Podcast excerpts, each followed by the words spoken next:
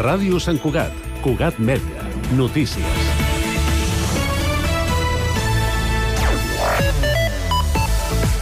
Bon dia. El Partit Popular està pendent de saber si el govern accepta alguna de les seves al·legacions al pressupost del 2024 que es votarà al ple de desembre d'aquest divendres al matí per saber quin serà el sentit del seu vot. El portaveu dels populars, Álvaro Benejam, es mostra però molt a favor de la contenció de despesa que està fent el govern actual per mirar que l'any que ve es pugui tancar amb números verds i no vermells, com el 2022 i el 2023. Per aquest motiu, en una entrevista a Cugat Mèdia, Benejam torna demanar la sortida del govern d'Esquerra Republicana. La direcció i l'AFA de l'escola La Mirada han fet un comunicat per mostrar el seu absolut desacord, diuen, amb la moció que Junts presenta al ple per cercar un acord definitiu sobre la ubicació del futur edifici de l'escola. La comunitat educativa es mostra crítica amb l'aposta de Junts, al capdavant del govern, de valorar altres alternatives al Parc del Bosc de Volpelleres. Segons la direcció i l'AFA, la proposta del Pla B als terrenys contigus a l'escola, a l'Avinguda de la Clota, s'ha abordat d'esquena a la comunitat educativa i va en detriment dels interessos de les famílies i els alumnes. L'esperit nadalenc s'ha escampat pels carrers de Sant Cugat a través de la música aquest dimarts gràcies a les Nadales al carrer, que enguany han arribat a la seva 17a edició. Infants cantaires de diverses escoles de música de Sant Cugat i corals juvenils i adultes han participat en aquesta tradició impulsada per l'Escola Fusió i Sant Cugat Comerç.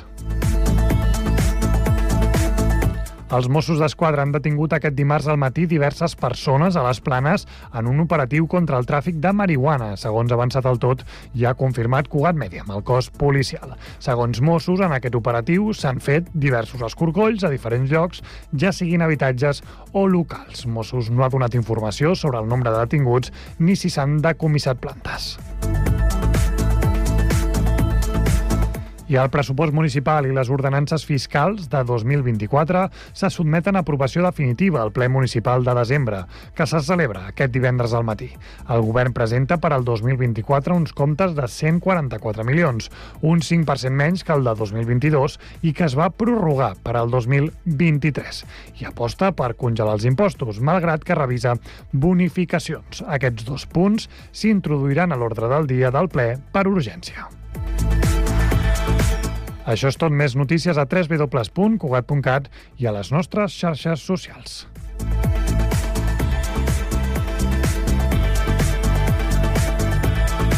Cugat Mèdia, la informació de referència a Sant Cugat.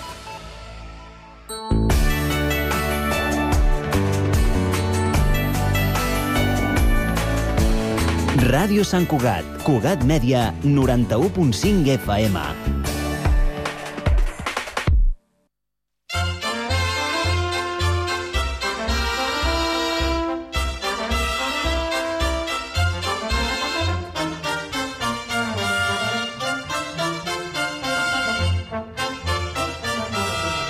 Roda d'Amics, amb Miquel Batet.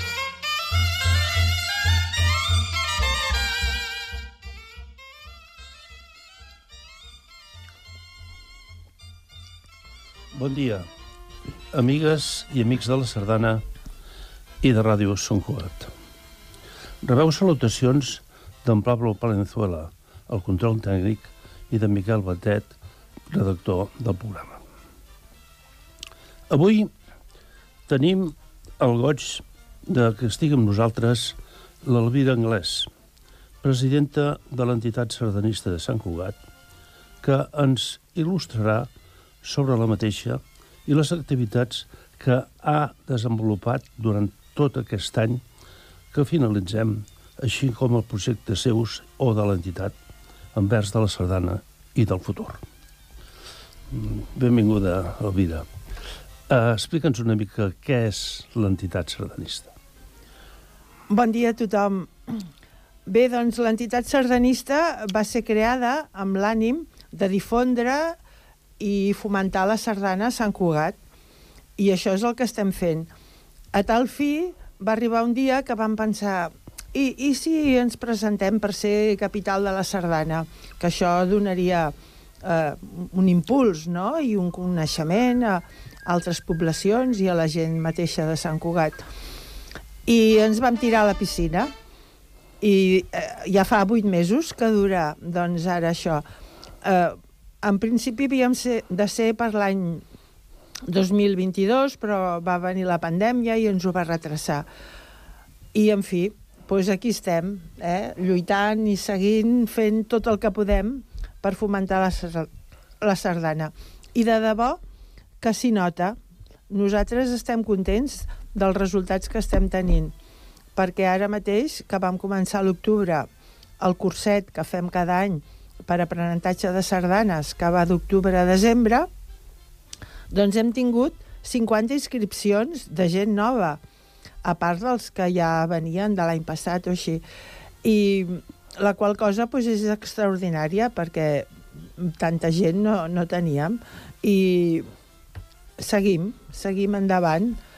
Uh, ara, bueno, les coses que hem fet, doncs és que són tantes que així de memòria costa una mica de recordar, però des de que va començar el dia 18 de març la proclamació de Sant Cugat, capital de la Sardana, que cada setmana, 15 dies, hi han algunes activitats relacionades amb la sardana. I mm, puc destacar, doncs, per exemple, el concurs de colles sardanistes que vam fer. Després, ara vam fer la final dels punts lliures en el pavelló de la Guinardera, que també va ser molt maco. I darrerament hem presentat el llibre El moviment de la sardana a Sant Cugat. I aquest llibre va des de les primeres notes escrites en algun diari que diuen que a Sant Cugat es ballaven sardanes, que és des de l'any 1907, en què Sant Cugat es va fer uns jocs florals i llavors s'anunciava en un diari de Barcelona tots els actes que es farien que s'havia d'anar eh, al cim del Tibidabo amb el tramvia o bé a Cerdanyola amb el tren, que allà sí que arribava, però a Sant Cugat encara no hi havia el tren. I llavors, des d'allà hi haurien unes tartanes, unes tartanes que es portarien fins a Sant Cugat. Allà hi ha tots els actes explicats que es faran i al final diu, eh, en finalitzar es ballaran sardanes. I se suposa que de ballar-se sardanes ja es feia abans del 1907, però aquesta és la primera data que hem trobat escrita de que es, es van començar a ballar sardanes. I llavors aquest llibre pretén fer una mica d'història des dels començaments fins més o menys l'any 2018-2020, perquè tota la història que hi ha des del 2018 ja, mm, com que ja és molt actual, no forma encara part de la història, però quan acabem la capital de la Sardana, trobarem la necessitat de poder plasmar en un, en un altre, altre llibre doncs totes les activitats que han fet que hem fet aquest, aquest, aquest període. Des del 2018 fins que acabem, ens agradarà mm, poder-ho plasmar, perquè eh, serà història el dia de demà i llavors la història continua. Tinc entès que heu publicat un altre llibre, no? El de les poesies, no? Ah, sí, això molt important d'anomenar. Eh, animats, perquè la sardana eh, és música, és ball i també és poesia. I llavors, eh, entre diverses persones que mm, totes relacionades amb el món sardanista d'una o altra forma, han escrit un, un petit poema, bueno, uns més petits que els altres, però eh, tots molt valuosos perquè són fets des de l'estima a la sardana. I aquest llibre que anomenem La sardana en vers, també n'estem molt contents i eh, esperem que formi part d'aquesta història que estem fent. Eh? Justament un petit fragment d'una d'aquestes poesies hem posat a la felicitació de Nadal d'aquest any. Perquè De qui és l'autor? De qui és l'autor? És de la eh, senyora Sanauja, que tots són persones que viuen menys dues eh, Du, menys tres, tres poesies. N'hi ha una que és del d'en Francesc Cabanes. Uh, després, el d'aquesta senyora, mm, Casa, Casa Just, es diu de cognom. I després del, del Heribert Segalà, que és un amic sardanista que també va traspassar fa un any o dos, però que té una sardana que ens agrada molt, una sardana, té sardanes perquè és compositor, aquest, aquest l'Heribert Segalà, però eh, principalment aquí el que hem posat és una poesia seva. Era, era, Molt maca. era un habitual dels aple... de, de les ballades, eh? Sí, l'Heribert no faltava mai. Ens Sí, sí, sí. estimava molt. I ens va, eh, es va estre... aquí vam estrenar un parell de sardanes d'ell. I estan molt bé les seves sardanes. El que, mira, eh, hi ha sardanes que es toquen més, hi ha que no es toquen tant. També cal promocionar eh, la sardana. Perquè, com que hi ha tantes sardanes, a la ratlla de 30.000 sardanes, clar, és molt difícil eh, destacar amb alguna sardana. Eh, Poden ser maques, però clar, no destaquen... N'hi ha algunes que s'emporten, diguéssim, eh, la palma. Va, no, ja, ja pots dir-ho. Uh, respecte al futur de, de l'entitat, teniu algun projecte? Bueno, l'entitat ara ja estem confeccionant, confeccionant el calendari per l'any 2024.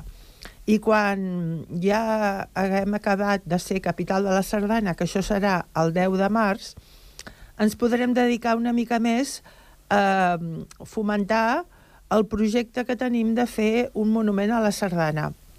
Ja tenim les idees eh, una mica més clares de com ha d'anar això, eh, perquè arribi a l'Ajuntament i ens sigui recolzat, i llavors pues, serà un, una cosa important que, tin, que, que tindrem eh, en el punt de vista. Eh? Molt bé, molt bé. Ens vols explicar alguna més?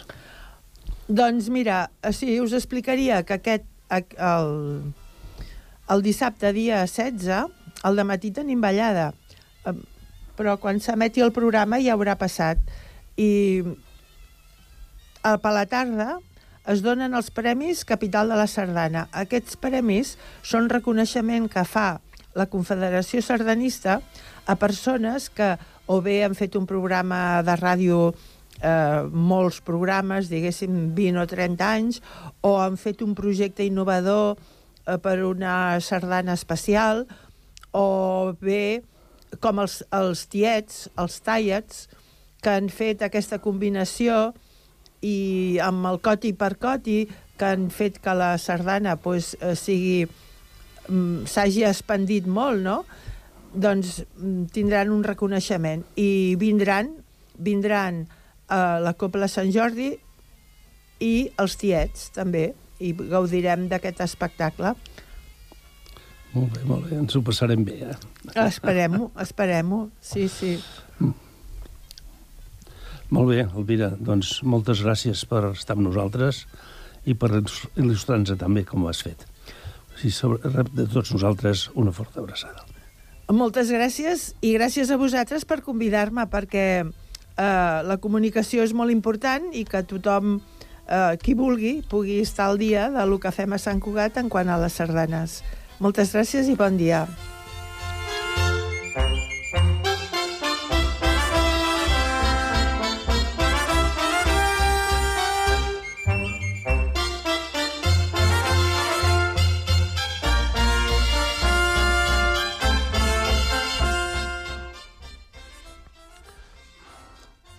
Bueno, hem escoltat a l'Elvira Anglès, presidenta de l'entitat. Però vull remarcar i donar les gràcies personalment des d'aquesta antena als components de la Junta de l'entitat sardanista, que són els següents. Anna Nigubó Serentill, Isabel Martínez Guitar, Jordi Cerdany Valls, Milagros Rodríguez García, Núria Vallès Alcaraz, Rosa Maria Cabanes Rigol, Rosario Franco Morales, Susana Lagarriga Bria, Antoni Pou Vilà, Victòria Galceran Casanovas i l'Elvira Anglès, i Anglès. O sigui, fixeu-vos que eh, quasi tots són dones, eh? O sigui, estem a l'any de, la, de les senyores i aquí hi ha dos, dos pàjaros i prou, que és l'Antoni i en Jordi. O sigui, nois, us admiro per la labor que esteu fent i que, i que duri. Bé, eh, l'Alvira ens ha parlat de que se celebraria aquesta trobada de repartiment de prèmits. Doncs us ho explico. El passat dissabte, dia 16, doncs, dintre dels actes de la capitalitat de la Sardana, en el Teatre Auditori va tenir lloc el lliurament dels Premis Capital de la Sardana. Van ser varis i els, els, els explicaré una mica. A la, al mèrit sardanista es van repartir tres medalles. Medalla al mèrit sardanista otorgat a en Jaume Nonell i Juncosa per la seva gran tasca envers activitats sardanistes i també d'assessor i coordinador de programes de televisió com a guionista. Medalla al mèrit per en Martí Camós Segura, de 34 anys per restar 34 anys com a tenora de la Copla Molins. Va ser, va ser el que va substituir, substituir, i em sortirà, em sortirà el nom. Bueno, ja, ja, ja en parlem. I després també medalla al mèrit per en Tomàs Manyosa Ribatallada, ballarí professional, pianista i dansaire d'esbar, mestre i coordinador de l'agrupació d'esbars dansaires i de l'obra del ballet popular. A més a més d'aquestes d'aquests reconeixements es van donar prèmits per entitats que, que havien complit 75 anys d'activitat sardanista. També per entitats que havien complit 50 anys d'activitats sardanistes.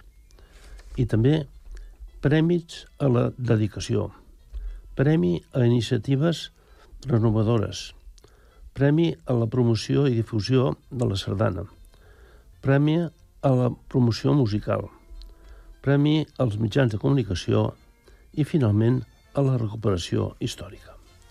Total, la festa va ser esplèndida, vàrem tenir una gran copla a la ciutat de Barcelona i tots vam sortir molt contents.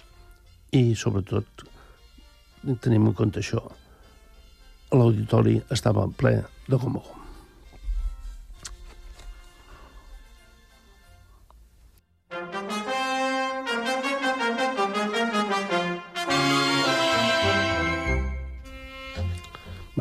Avui escoltarem sardanes d'en Manuel Oltra. En Manuel Oltra va ser una patum dintre del món musical i del món de l'esbart. Doncs va ser un gran mestre pedagog que va cultivar dos gèneres musicals molt específics, el cant coral i els esbars.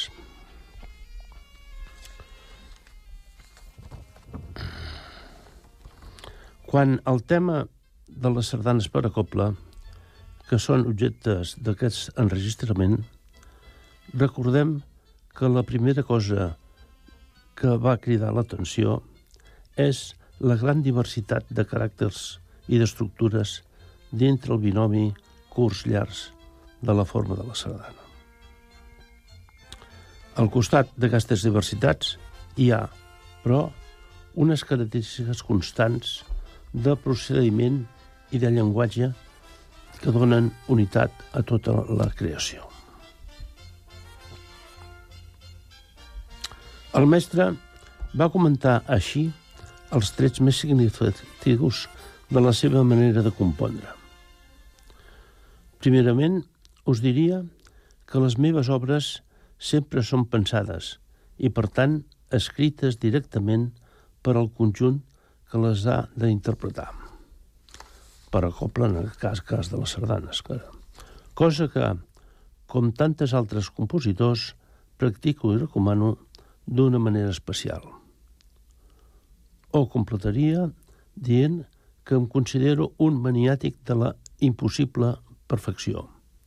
Això vol dir que, encara que l'obra hagi sortit de borsada, un cop llesta resta una quarantena, durant un període de més o, més, més o menys llarg. Després, amb la objectivitat que em permet el fet de veure-la com una obra aliena, l'analitzo i la someto a una dura crítica per veure si el discurs, el desenvolupament i les proporcions són equilibrades. Si no és així, canviaré el que calgui i si al final tampoc em plau, la rebutjaré. Per a concloure, tornem a, les paraules del mestre Altra, que tall de consideració final va dir. La major part d'aquestes sardanes són de les que el públic sardanista en diu de concert. Jo penso que estrictament de concert només n'hi ha una, dues o tres, i que la resta les ballaria totes. Acabo lamentant profundament que molts dansaires siguin tan poc exigents pel que fa a la qualitat musical de gran part de les sardanes que es ballen. Bé, eh, hem escoltat eh, el mestre Altre, el mestre Altre i, és clar ell era un gran músic i com, com, com veurem, ara sentirem ara, molt rigorós, però sobretot les seves sardanes són molt, molt, molt musicals. Comencem. La primera sardana, el mestre la va titular commemorativa i fou estrenada l'any 1956.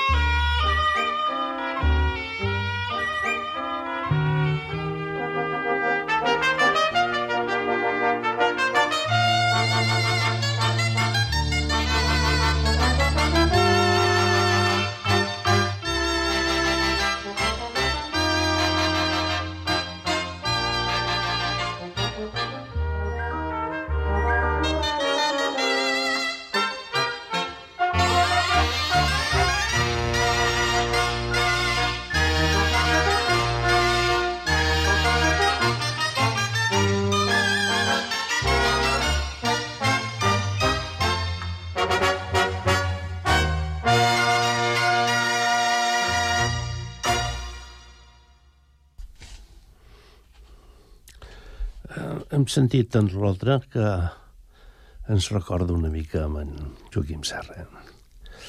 bueno, després de commemorativa escoltarem una sardana titulada Ambigua, estrenada l'any següent de l'anterior, o sigui, el 57. I com diu el seu títol, és això, ambigua. Per què? Per què? Doncs escoltem-la.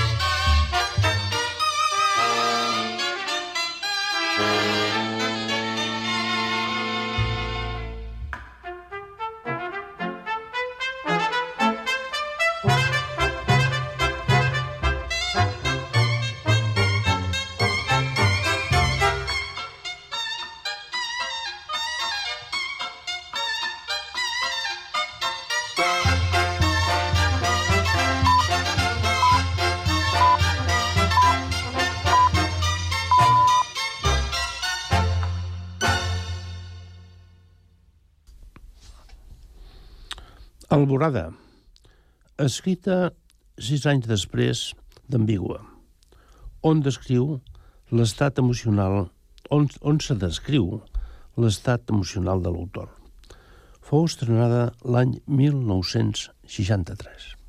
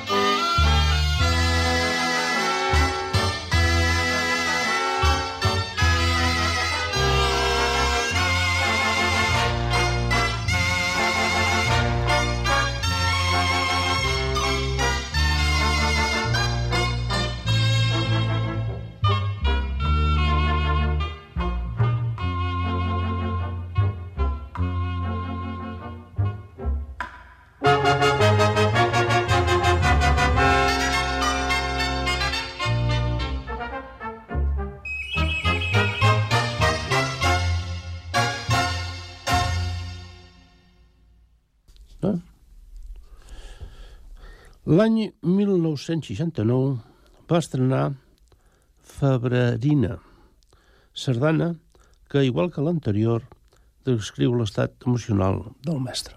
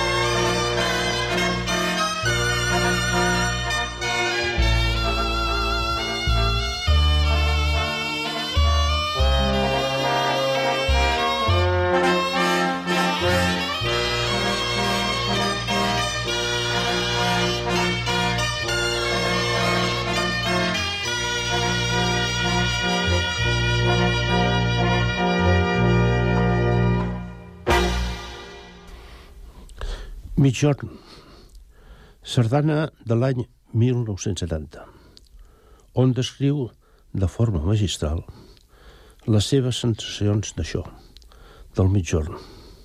Per vosaltres, migjorn.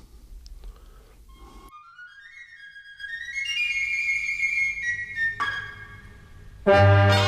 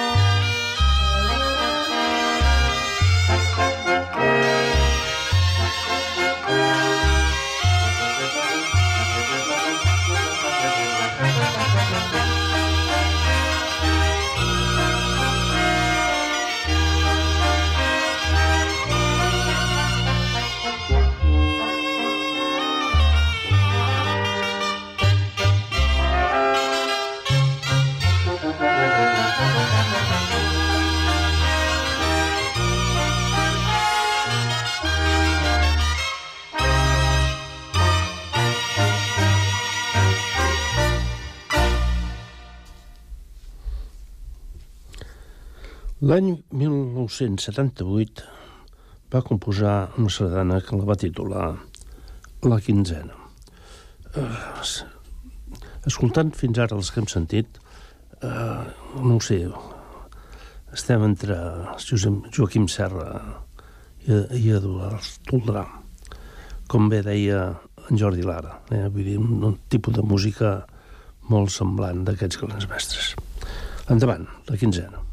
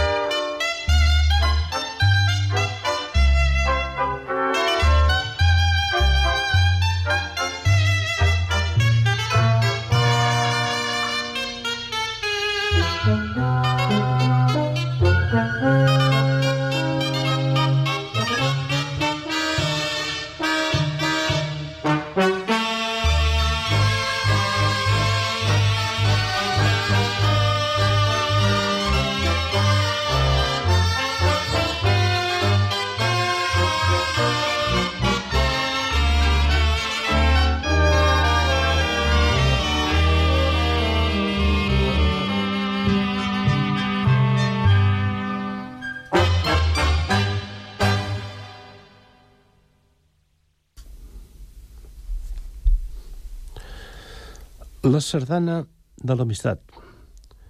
Sardana d'encàrrec. I, segons l'autor, sardana picassiana. No, voldrem veure, escoltar-la, a veure què vol dir això, no? Fou estrenada l'any 1980.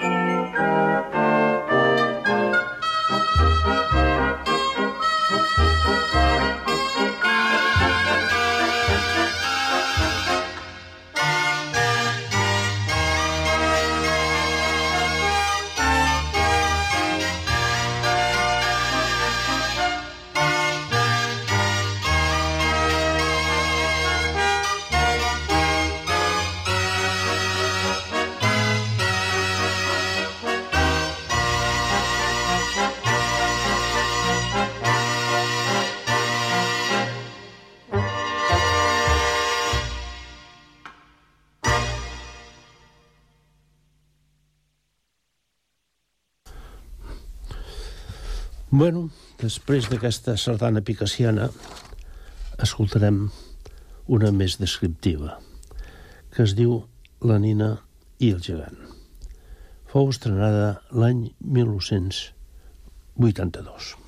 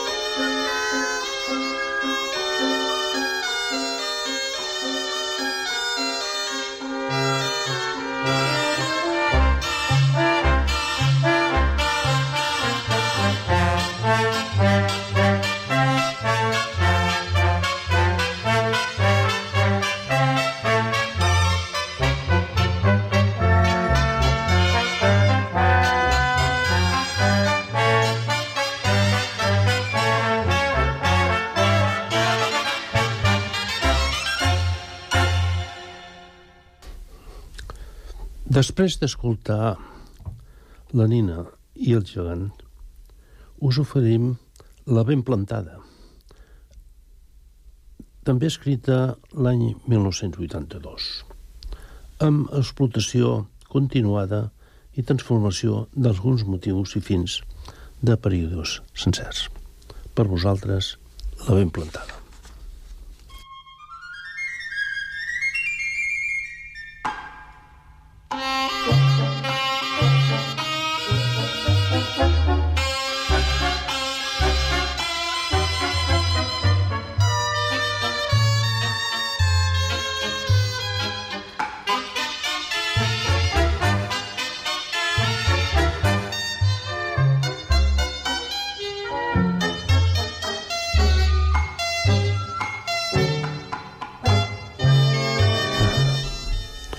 Amb la música del mestre Manuel Oltra, ens despedim fins al proper 2024 amb Pablo Palenzuela al control tècnic i que us ha acompanyat en la locució amb Miquel Batet.